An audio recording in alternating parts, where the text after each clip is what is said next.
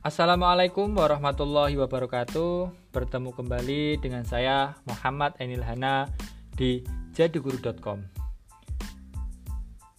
Telah sampai kita pada materi selanjutnya yang sebelumnya materinya adalah tentang dakwah Rasulullah dan hari ini materinya masuk pada bagian memaknai makna mujahadah an-nafs atau yang biasa kita sebut dengan kontrol diri, husnudon dan ukhuwah Islamiyah.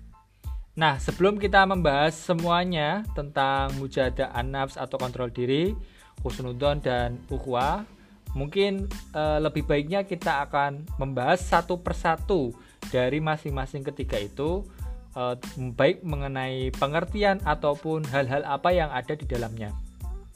Langsung saja e, pada segmen hari ini kita akan membahas tentang mujahadah an-nafs.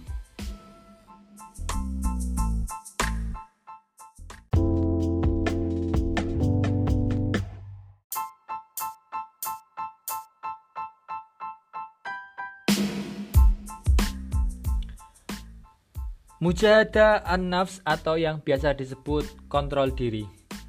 Pengertian kontrol diri dan aspek-aspeknya. Sudah jadi keniscayaan bila kontrol diri menjadi suatu yang penting bagi kita. Hanya saja kita kadang tidak memperhatikan dan memahami berbagai hal yang ada di dalam prosesnya. Kali ini saya akan menanyakan sekilas tentang pengertian dan aspek-aspeknya secara langsung dapat menjadi cerminan untuk melihat kontrol diri yang kita miliki. Pengertian kontrol diri atau self control. Kontrol diri diartikan sebagai kemampuan untuk menyusun, membimbing, mengatur dan mengarahkan bentuk perilaku yang dapat membawa ke arah konsekuensi positif. Kontrol diri merupakan salah satu potensi yang dapat dikembangkan dan digunakan individu selama proses-proses dalam kehidupan, termasuk dalam menghadapi kondisi yang terdapat di lingkungan sekitarnya. Kontrol diri merupakan salah satu kompetensi pribadi yang perlu dimiliki oleh setiap individu. Perilaku yang baik konstruktif, serta keharmonisan dengan orang lain dipengaruhi oleh kemampuan individu untuk mengendalikan diri. Tingkah laku individu ditentukan oleh dua variabel, yakni variabel internal dan variabel eksternal. Sekuat apa pun stimulus dan penguat eksternal, perilaku individu masih bisa dirubah melalui proses kontrol diri. Artinya, meskipun kondisi eksternal sangat berpengaruh atau mempengaruhi dengan kemampuan kontrol diri individu dapat memilih perilaku mana yang akan ditampilkan. Kontrol diri berkaitan dengan bagaimana individu mengendalikan emosi serta dorongan-dorongan dari dalam dirinya. Ada dua kriteria yang menentukan apakah kontrol emosi dapat diterima secara sosial atau tidak. Kontrol diri dapat diterima bila reaksi masyarakat terhadap pengendalian emosi adalah positif. Namun, reaksi positif saja tidaklah cukup.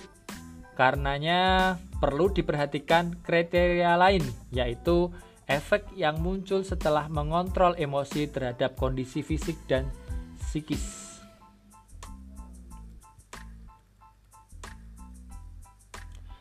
Kontrol emosi seharusnya tidak membahayakan fisik dan psikis individu. Artinya, dengan mengontrol emosi, kondisi fisik dan psikis individu harus membaik.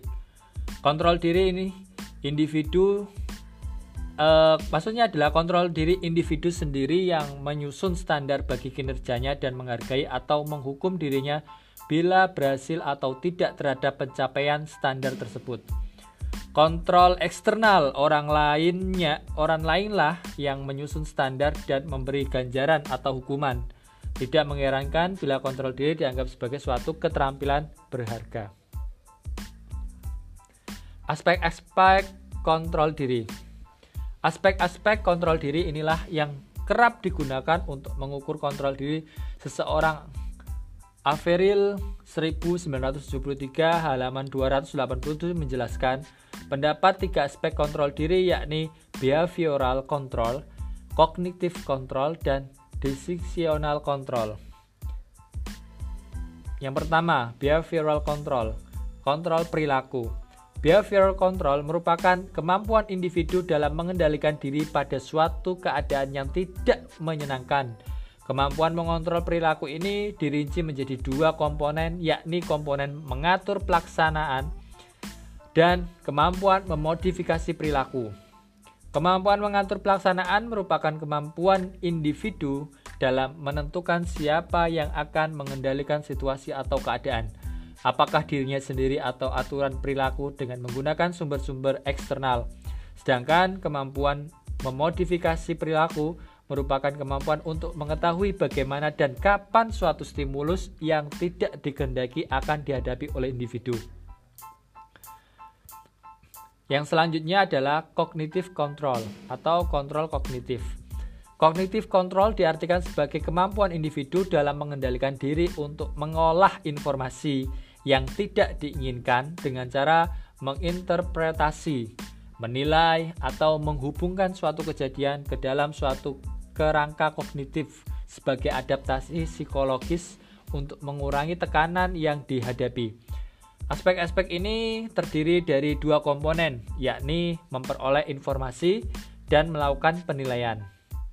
Dengan informasi yang dimiliki oleh individu mengenai keadaan yang tidak menyenangkan, Individu dapat mengantisipasi keadaan tersebut dengan berbagai pertimbangan, melakukan penilaian terhadap individu, berusaha menilai dan menafsirkan suatu keadaan atau peristiwa dengan cara memperhatikan segi-segi positif secara subjektif.